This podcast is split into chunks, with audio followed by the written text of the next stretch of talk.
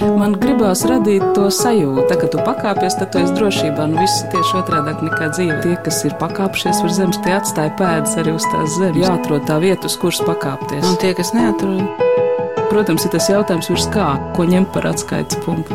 augstāk par zemi. Augstāk par zemi. Augstāk par zemi. Esiet sveicināti! Mans vārds ir Anna Bušvica, un mans sarunbiedrs šodien - latgaliski rakstošais dzēnieks Valentīns Lukaševičs. Valentīnu Lukaševiču daži varbūt atpazīs kā Latvijas televīzijas raidījuma citādi latviskais pirmo vadītāju. Kādam Valentīns Lukaševičs varbūt bijis pasniedzējis Daugopils universitātē, dzēnieks ir arī filoloģijas doktors, latgaliešu valodu un kultūras vēsturi, ir viņa zinātnisko pētījumu lauks. Personīgi es vispirmām kārtām sekoju Valentīnu Lukaševiču kā dzēnieku darbībai. Nu pat iznākušais krājums Pādinava svāti ir noslēdzošais autora četru dzējas grāmatu ciklā ar kopīgo nosaukumu Ceļš. 2005. gadā cikls aizsākās ar dzīslu krājumu Kozinda, 2006. gadā seko Votaidi Voti Batvini, bet 2011. gadā par krājumu Bolti Burti dziniekam tika arī Latvijas literatūras gada balvas žūrijas speciāla balva. Intervijā mēs tiekamies jau otro reizi. Iepriekšējā reize, kas notika starp Valentīnu Lukaševiča tetraloģijas otro un trešo dzējas krājumu, man palikusi spilgt atmiņā, itin kā tas būtu noticis vakar.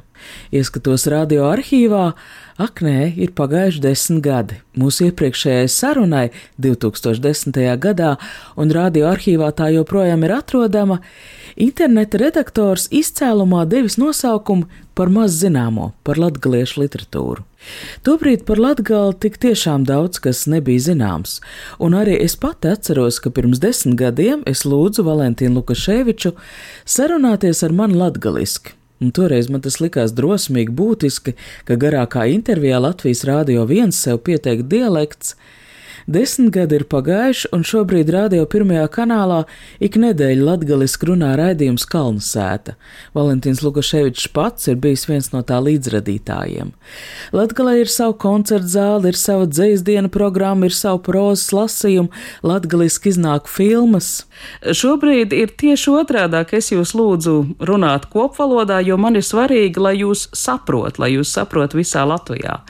Kāds ir jūsu sajūts par šo laiku? Kas ir mainījies? Mainījies aplatgalisko un varbūt arī pašam aktuālajās lietās? Īstenībā es tagad runāju savā mātes valodā, jo jā, dažreiz latgalieši saka, ka viņiem ļoti uztrauc mātes valoda vai mammas valoda. Tad mana mātes valoda ir šī valoda, jo mana mamma ir dzimusi, augusi netālu no tērvetes. Viņa ir zemgalieta un viņa ieprecējās Latgalē. Un man bija divas valodas - tēvam valoda un mammas. Ar mammu mēs runājām tā kā tagad runājām, un ar tēti, un ar vectētiņu, vecmāmiņu es runāju latgaliski. Tā ir, es esmu audzis no pašas mazotnes, kā sevi atcerās divās valodu vidēs savā ģimenē. Nu, un pa desmit gadiem, kas ir mainījies, ir notikušas dažādas latgaliešu aktivitātes, un desmit gadu laikā latgaliešu kultūras un politiskie darbinieki aktualizējuši šīs lietas, pacēluši augstākos līmeņos attieksme pret latgalisko, nu, laikam nav tāda kā pirms 20 vai pirms 30 gadiem, ka tas šķita, nu, tā absolūts provinciālisms un par ko var paķekināt un pasmieties. Laikam mēs runāsim tieši par latgaliešu valodu, jo bieži vien latgaliešu valodu novienādu ar latgaliskumu. Nu, tas tā ir ļoti vienkāršoti un populāri, kaut gan tā saikne ir daudz dziļāka un nav tik viennozīmīga. Kā tas atšķirās? Reizeknē dzīvo daudz studentu, kur ir atbraukuši no Pakistānas un Indijas. Un ja cilvēks iemācās perfekti latgaliski runāt dzīvodams, vai viņš būs latgalietis? Vai mākslīgais intelekts, kur tagad tādi asistenti, ja viņš runās perfektā latgaliešu valodā, vai tas būs latgaliskums, jo man visvairāk pat atbaida arī tāds mākslīgais intelekts un valodu mākslīgošana, Latgaliskums man šķiet ir daudz dziļāks. Tā ir mentāla parādība, pat ir ne tikai valoda. Valentīns Lukaševičs literatūrā ienāca pagājušā gadsimta 90. gados. Par viņa debiju, tādu nopietno debiju, uzskatāms bija mēģinājums vienlaikus pierādīt mūsdienu latgaliešu literatūras esamību un vienlaikus modernizēt to. Runa ir par kopā ar Oskaru Seikstu 1996. gadā radīto pirmo postmoderno romānu latgaliešu literatūrā Valerijāna dzīve ir redzīni. Jo es prātoju, ka latgalisko bieži vien sasaista ar tradicionālo linu drānas, guļbaļķu ēkas. Man jau interesē tieši tā latgaliskā dimensija, kas ir vērsta uz nākotni. Latgaliskā dimensija uz nākotni vērsta ir gana minimāli, jo, ja runā tikai par daļu literatūru, literatūru, teikšu, ka apmēram 70. gadu beigās, 80. gadu sākumā aizsākās latgaliešu literatūrā tāds virziens, kur es nosauktu par latgaliešu eksistenciālismu. Ar Antona Kūkoja māla vezumu, ar Anna Rancānes lūkšana mājā, ar Osvaldu Kravali, pat ar Jurcina Vālodzīti Un visa tā latgaliešu atzimšana drīzāk ir atgriešanās pirmsākumos pie savām saknēm. Tur tas vektors ir pavisam savādāks, jo latgaliskā meklējumi drīzāk tā ir nevis skatīšanās kaut kur uz priekšu, bet atgriešanās, nu arī pieno kravalim bija atgriešanās atpakaļ visur tā, atgriešanās pie pirmsākumiem, atgriešanās pie saknēm un laikam arī tā latgaliešu eksistenciālismas pat lielā mērā tieši ir otrādāk vērts, nākotnē ir iespējama atejot atpakaļ pie pirmsākumiem. Un kāpēc jūs izvēlēties rakstīt latviešu? Es esmu rakstījis arī citās valodās. Man ir mēģinājumi rakstīt tajās valodās, kuras es protu. Nu, gana labi es runāju trīs valodās. Tas ir latviešu, latviešu, krieviski. Turista līmenī es varētu runāt lietuviski, vāciski un angliski, bet nu, es rakstu tajās valodās, kuras jūtu apkārtējo vidi. Tātad, jo man kaimiņš bija vectīcībnieks, kuras laukos dzīvoju, jo man svarīgi ir nevis būt valodu kā eksporta preci uztaisīt. Man ir vienmēr svarīgi, lai teksts būtu saistīts ar mentalitāti un dzīvesveidu. Nevis kā imidžs, bet ka tur jābūt kaut kādam dziļākam segumam. Nu, un latgaliski man bija tāds vectētiņam teiciens, ka mēģini darīt to, ko it kā tavā vietā neviens cits neizdarīs. Nu, dažreiz ir tāda sajūta, ka ir jādara tas, ko kāds cits neizdarīs, bet tu vari izdarīt. Nu, man liekas, mēs esam nobruģējuši taciņu, lai ķertos klāt jūs nu pat iznākušajam dzējas krājumam pādi nav svāti. Bet ko tas nozīmē, es nepateikšu. Bieži vien latviešu valodā ir kāds lietvārds, tas ir sieviešu dzimtē, bet latgaliski tas ir vīriešu dzimtē. Piemēram, latviski ir pasaulē, latgaliski pasaules Es tur nemeklēšu dziļākas kaut kādas dzimumu likumsakarības vai kā tas ir bijis, bet Latgalē ir ļoti daudz tādu, kur vārds mainās dzimte, un ja latviski ir pēda, un pēda varbūt tā, kura paliek smiltīs, un tā, kura ir apģērbta zekē, tad latgaliski ir pāds vīriešu dzimtē. Pēdas nav svētas. Un lūk, tad 54. lapusē, tas ir kaut kur pa vidu, ir dzējolis. Asnapas pie porīt, pori ceļam Mēs sasatiekam taisni pa vidu, kā brauktu mašīnas, mēs tai varētu stovēt. Bet ir divi naktī, jas izmīsim vērā sešas video kameras. Rīzs skač pie moras pieminekļa, Jurijs Tiņānaus, Vladislavs Lotis, Skrīnam, Alīnam zam tilta nuleita. Tī pusė rāzeknis, kuri naguļ, sieš savus dievokļus į fantaziją par tų, kuo esi. Vladislavu Locu es zinu, viens no pirmajiem latgaliešu izdevējiem, bet kas ir Jurijs Tiņanovs? Oi, Rezekne ir tāds piemineklis, Jurijs Tiņanovs ir slavens literatūras zinātnieks, un viņš ir dzīvis Rezekne, un daudzi zina, kas ir Marks Rotko, ja, tad, nu, apmēram Marks Rotko tikai literatūras zinātnes un literatūras nozarē pasaules līmenī. Ak, tad tie ir vietvārdi, tie ir pieminekļi uz dzējolī. Tas ir piemineklis, jā. Nu, es stāvu pie pieminekļu, jo vietus ir tas, kurš visvairāk mazgā pieminekļus. Katru otro vai trešo dienu vietus nomazgā pieminekļus. Pirms lasīt kādu dzējoli, Valentīns Lukaševičs lapus numuru nosauc pēc man lūguma. Es ne visus vārdus saprotu, un man ir vieglāk, ja otrā puse telefona līnijai varu ar pirkstu vilkt līdzi. No otras puses, man šī nodarba aizrauja lasīt latgaliski. Tas ir kā latviešu valodu atklāt no jauna. Nu, ir citas skaņas, citas intonācijas, citi akcenti. Latviešu skaņas ir daudz mīkstākas, jo īstenībā ir šī, vi, visas tās skaņas ir Y, tas, kas ir cietais, ir intonāciju pārliecieni. Tādēļ, nu, tīri fonētiski, ja runā fonētiski, tad Dzīviskais arsenāls šeit ir bagātāks. Ir lielākas iespējas. Esmu to piedzīvojis jau folkloras kustībā. Tur daudz ir izmācījušies dialektu izrunu vienkārši tāpēc, ka latgaliski skan garšīgāk, muzikālāk. Runājot par rakstīto vārdu, Varbūt te vērts atgādināt vai kādam paskaidrot iemesls, kāpēc latgalieši pret savu dialektu pieprasa no valsts īpašu attieksmi. Meklējams tieši latgaliešu rakstu valodā. Atšķirībā no citiem Latvijas dialektiem, tā ir sava ortogrāfija, pareizrakstības likumi, Taču dzīvē nav viss tik vienkārši. Lai arī 2007. gadā pieņemta jaunā ortogrāfija, daudzos izdevumos joprojām tiek lietot tradicionālā, jeb Pēters Stroda ortogrāfija, bet visbiežāk katrs raksta kā prot un jūt. Un šķiet, tieši šo brīvību Valentīns Lukaševičs arī domāja, kad mūsu sarunas sākumā iebild pret mākslīgo to valodu un runāja par latgaliešu valodas postmoderno situāciju. Redziet, kā ir latviešu rakstniekiem ir dzīvot daudz vienkāršāk. Tad, kad viņi raksta latviski, viņiem nav jādomā par grāmatiku, ortogrāfiju. Un ja Uldis Bērziņš vai Kunnus vai Zolnerovičs vai kāds cits tur kaut ko eksperimentē, neviens neuztraucas, jo latviešu valodas standarti viņa nevar izjaukt. Tas standarts ir tik pamatīgs, ka tur kaut kāda ortogrāfija vai rakstība neko nevar izdarīt. Bet latgaliešu rakstība šobrīd, nu, it kā nav tā nostabilizējusies, un bieži vien ir sajūta, ka kāds viens autors var gandrīz vai pamainīt kaut kādu līdzsvaru tajā ortogrāfijā. Piemēram, ar Jurcinu līdzīga situācija ir bijusi, kad Pēteris Jurciņš no sākuma rakstīja it kā tajā vecajā stroda ortogrāfijā, tad viņš pamainījās uz jaunu ortogrāfiju, un tas skaita, ka nu, viņš ir tā, nu, pilnīgi jaunu pasauli ir atklājis vienkārši ortogrāfiju pamainot. Nu, ja par to valodu runā, tad laikam varbūt Latvija ir desmit visā pasaulē ir desmit cilvēki, kuri varētu teikt, ka viņi zina to latgaliešu valodu atbilstoši kādai gramatikai.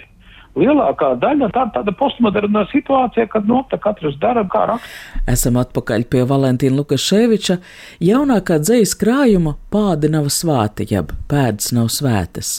Pirmais atšķīrās, pirmais dzejolis trešajā lapusē. Izlīnu nepazīstamā pīturā, nolauku zeķis, kūpā ar buteļēti ielieku musarnīkā. Nikod nesvīžu, nesvīžu, pīsalīcu ielieku, zečam paļdis. Man ir savs skats no malas. Latgalē saglabājušies latviešu valodas vārdi, kas pārējā Latvijā varbūt sen jau aizmirsti, un reizēm veidojas paradoxāls, iztēli iekustinošs sainiņas, kad ar arhaiskiem vai vienkāršu valodas vārdiem tiek aprakstīts kādas sarežģītas mūsdienu parādības vai pārdzīvojumi. Man patīk, ka jūs teicāt, ka neesat sagatavojis salīdz lapiņas starp lapām, ka jūs improvizēsiet. Man ir liela selekcija, jo es atlasu ļoti daudz, man rakstās tā, un pēc tam no kādiem septiņiem, astoņiem tie, kuri jau ir nodrukāti, es īstenībā atstāju vienu. Par to jums bija dzējos 72. lapusē, ka dzējos ir kā siers, ka no pieciem litriem piena iznāk labi, ja viens. Jā, tas tā apmēram ir. Desmit gadu laikā, kā tapa šī nu, tetraloģijas pēdējā grāmata, tur ir 108 dzējoļi, katrā grāmatiņā ir pa 108. Bet, nu, īstenībā tas ir koncentrāts, un ne jau tikai tādēļ, ka būtu visi labi, bet viņi arī kā stāsti veidojas. Bieži vien ir tādi dzējoļi, kuri palikuši aiz borta tikai tādēļ, nu, ka es zinu, ka, piemēram, kaut kas līdzīgs bija trešajā grāmatā vai otrajā. Tādēļ, lai nebūtu tās atkārtošanās, nu tāds drusku arī sižetiskums, pie tās kompozīcijas es gana daudz esmu piedarbojies, strādājis. Vai katra grāmatiņa ir kaut kādā veidā tematiski papildina viens otru, vai tur ir nu, kaut kāda nu, dramaturģija? Nu, nē, jo tad, kad izdot vienu, tu nezini, kas būs dzīvē uz priekšu un kā veidosies. Tas gandrīz vai tā ir atpakaļējošo datumu. Ir. Tad, kad tu taisi nākošo grāmatu, tas ir kā, nu, tāpat kā pa ceļu, ja tā, un tetraloģija ir nosaukums ceļš. Nu, tas tāpat kā ir ejot pa ceļu, tu it kā zini apmēram, kur tu iesi, bet tu vēl nekad nezini, ko tu satiksi ceļa malā, kāda būs pietura. Uh, tu it kā nojaut, uz kurieni tu gribi iet, bet gadās nejauši garām gājēji, tu it kā ej uz tirgu, bet satiec interesantu sarunu biedru un nosēdi autobusa pieturā visu laiku ar viņu norunā un saprot, ka vairs nekur nav jāiet, var iet atpakaļ uz mājām. Lasot šo krājumu, tiešām liekas, ka autobusa pietura ir absolūtā iedvesmas vieta. Ļoti daudz dzējoļi ir rakstīti, ziņojot par to, ka jūs atrodaties gaidot autobusu pieturā.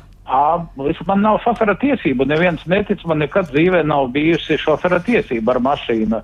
Man īsti kaut kā nepiesaista velosipēds, jo viņš mani apgrūtina un visu mūžu man ir vai nu sabiedriskais transports. Es nekad neesmu lidojis ar lidmašīnām, man ir aerofobija, autobusi, vilcieni un savas kājas.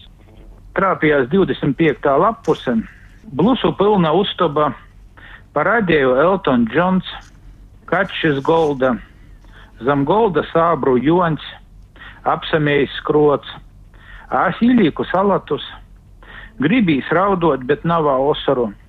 Gribīs runot, bet nav kam. Īstenībā visa latgaliešu kultūra un dzēja tas ir kā ražotāji. Ja mēs zinām, ka Rīgā ir glauni supermarketi un lielveikali un tu iet un nopēc pašu labāko, kas ir no visas pasaules, bet, lai drustītiņa dzīve būtu interesantāka, ir vērts aizskriet uz pārdaugavu, nopirkt kādu latgales spekīti vai latgales maizīti, jo cilvēks saprot, kā ar ko atšķiras rūpnieciskā ražošana no mairažošanas. Nu, un īstenībā latgalieši ir tādi kā mairažotāji. Viņu sapnis dažreiz ir kļūt par rūpnieciskiem ražotājiem, bet varbūt vienkārši būt par mairažotāju tas ir arī sava niša. Jā, tu miljonus nenopelnīsi, bet vienmēr būs savā mīļā klientūra, kura labprāt pirks mājās ražotu sieriņu. Es esmu par to domājis, jo pavisam nesen sociālajos tīklos izraisījās nu, tāda tā kā diskusija, tā kā strīds, jo patreizajā situācijā ar latgaliešu literatūru ir diezgan laba. Centrālās izdevniecības dienas grāmata nu pat izdeva Alda Bukša romānu Brāļi divvalodīgi lasi, kurā valodā gribi salīdzini, ja vēlies. Un man tas liekas brīnišķīgs ceļš, jo es esmu pārliecinājusies, ka, piemēram, tie paši kurzemnieki atsevišķus vārdus viņi nesaprot, un puse no tā rakstītā teksta baudas viņam iet secen, un tas it kā nav nemaz tik labi. Nu, es domāju, ka tas drusku ir pārspīlēti. Ir, es zinu, ka es braukā uz Lietuvu, ir lietuviešiem un latviešiem arī ir milzīga atšķirība, bet plus mīnus Ja lietuvieši runā, mēs saprotam, ko saka lietuvieši un latvieši. Liet... Es domāju, ka tas nu, nav tik sarežģīti. Man šķiet, ka nezinu, vai tiešām ir tik galīgi nesaprotami. Nu, minēšu citu piemēru. Ingrīda Tārauda šķiet viņa jums rada. Latgaliešu dzēniece Jā. dzīvo īrijā, kur viņa ir nodibinājusi latviešu literātu kopu Baltās durvis, un pavisam nesen iznāca īrijā latgaliešu dzēnieku tāda dzējas grāmatiņa bilingvāli, latgaliski un angliski. Tātad uz angļu valodu tulkot nav problēmu, bet latviskot tas ir zem kārtīgi latgalīgi. Latgaliski tulkot angliski ir vieglāk nekā latviski. Tiešām? Nē, nu tas ir vienmēr tāds pasaules standarts tulkošanā, ka ļoti grūti tulkot, nu, piemēram, no slovāku uz čehu. Vienmēr ir izdevīgi kaut kā tālāk ņemt, jo tad tas ir daudz vieglāk un efektīvāk jo tas tāpat kā galdniekam vieglāk nogriezt dēļa galu, kur ir 10 centimetri, nekā milimetru nogriezt. Nu nē, man negribas piekrist. Tagad ir tāda galdnieka, tāda darba galda, ka naga mēlumu nogriezīs. Un pārceļot šo pašu situāciju uz mūsu sarunas patieso tēmu, proti latgaliešu un kopnacionālā valodā rakstītās literatūras attiecībām, Lūk, punktu magazīna drīzumā publicēs latgaliskotus Kārļa Vērdiņa dzējoļus.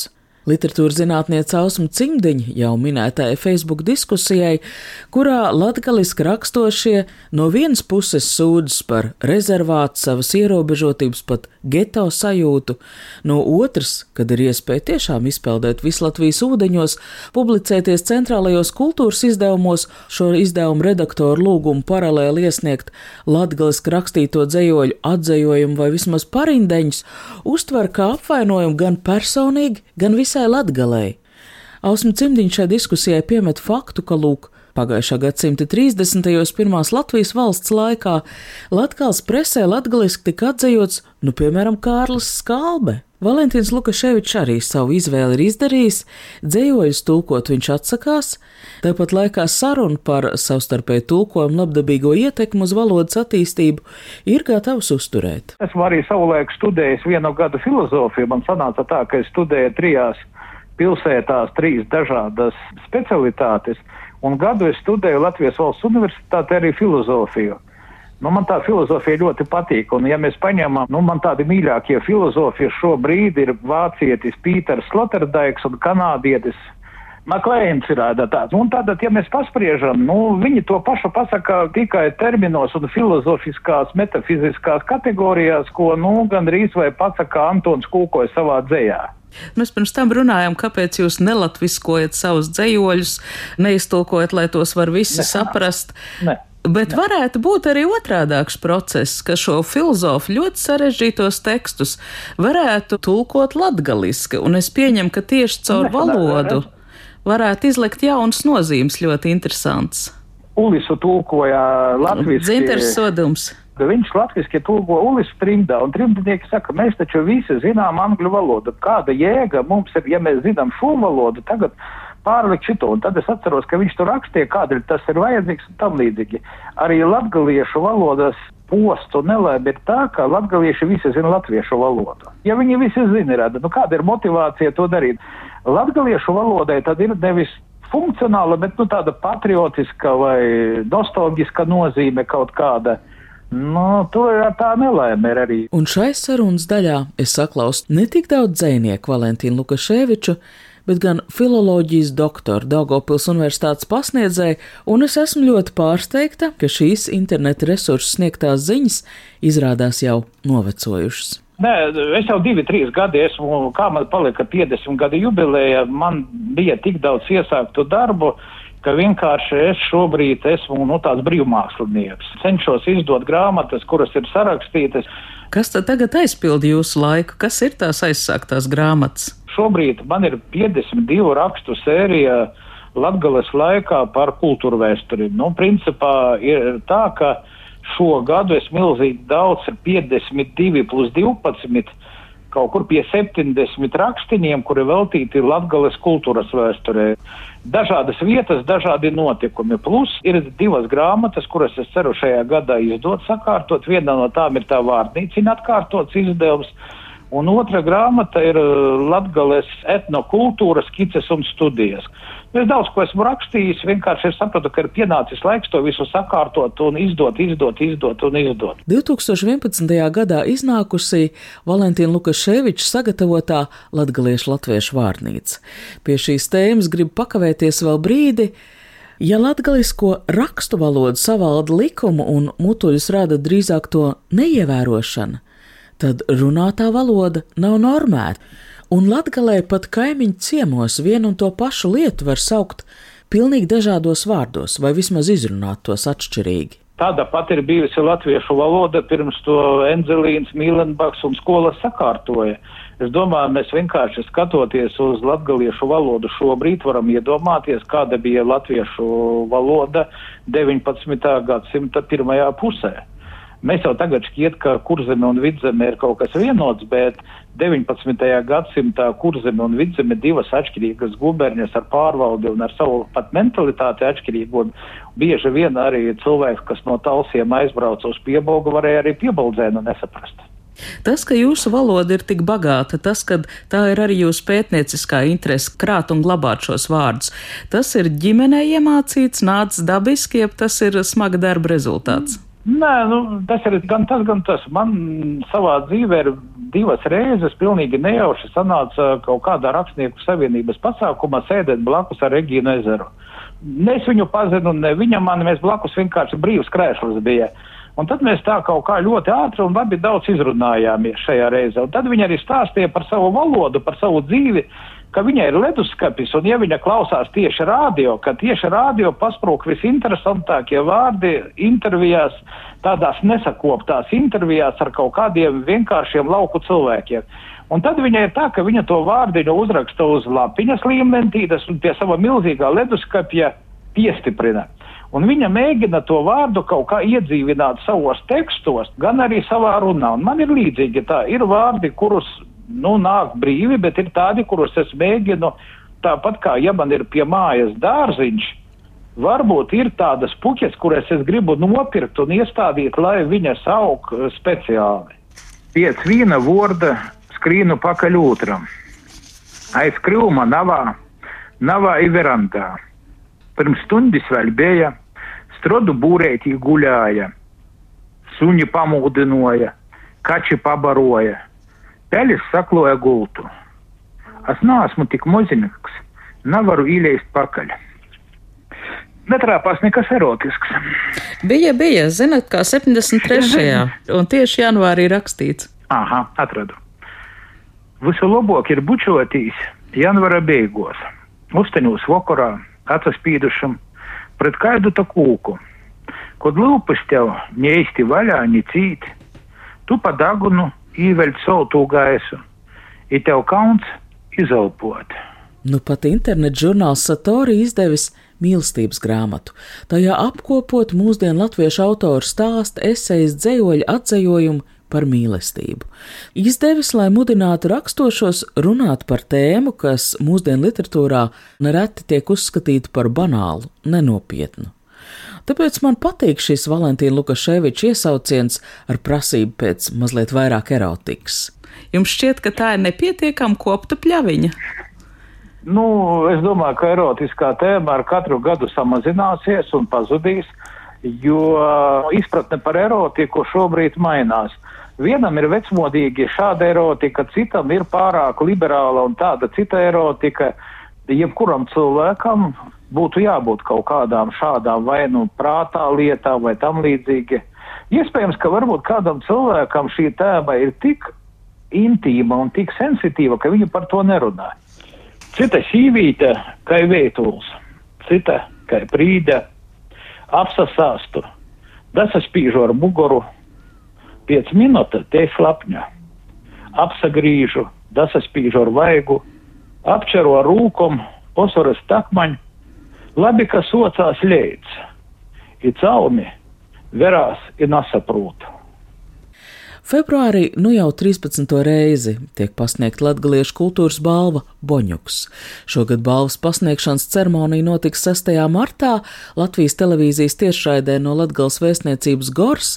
Valentīns Lukaševičs ir šī gada Boņuku žūrijā tāpēc prasu par viņa personīgo spilgtāko aizgājušā gada Latvijas kultūras notikumu. Latviešu kultūrā Es līdz šim neesmu bijis sociālos tīklos. Man patīk dzīves kontakts ar cilvēkiem vai konkrēta lieta, bet Facebookā ir tāda latgaliešu dzēniece, pseidonīms, tas ir Marija Dzēsla. Varbūt jums ir gadījies. Ir gadījies, jā, viņa raksta tieši par aktuāliem notikumiem, par patreizējo mājasēdi, par preču veikalos jā. pārdot aizliekšanu un atļaušanu. Nu, es esmu sajūsmināts, man ir nojausma, kas tas varētu būt par cilvēku vai cilvēku grupu, bet pseidonīms ir svēta lieta. Nu, es teikšu, ka šī gada no, lielākais notikums ir šī Marija Dzēsle. Es neesmu sociālos, bet man printskrīnus no tā atsūta. Es teikšu, ka man patīk. Saliku boņukus divu rundos ir škapa. Nu, man tik daudz vītās. Saliktu trejos, tik vīnā atrūkā. Sazinu, kur kleist. Zinotu, panam to. Nīvtiek nav vītās. Marija Dzēsla savu identitāti atklāt nevēlas, uzrunāt, nolasīt dzējoli, saka, ka balss tas jau nozīmē atpazīšanu un iesaka pameklēt YouTube. Tur ir atrodams jau gatavs video, kurā Andris Slišāns lasa Marijas Dzēslas dzēju, kā reiz par boņukiem. Annele Zelčūs izaugs deča, ir tirgos iz vīna gauda Breidabas muzejā. Muzejā tevi vīta piločā. Saņemt ir iekine, apkure atslēgta, dzēnīku nav, sazina, kur klēst. Ar dzinieku, valodnieku, latgals kultūra vēstures pētnieku Valentīnu Lukaševiču sarunājās Anna Bušvica. Šī raidījuma skaņoperators Valdis Raitums. Pats pēdējais dzīvolis šajā krājumiņā, un tagad es viņu nolasīšu. Autobusu pīturā nātiet autobusu zvonu. Nebija cilvēku, aizgoja agrāk. Verūks mudri leids, a 6 km joīt. Stunda pa grantu, drusku pa mežu. Tī apsasāstu zem putekļainu bleidznu. Pabrauc dzēdiņš sarkana mopeda. Es verūs iz jū, jīs iz mani. Mēs visu saprotam, mēs pat pasmaidam.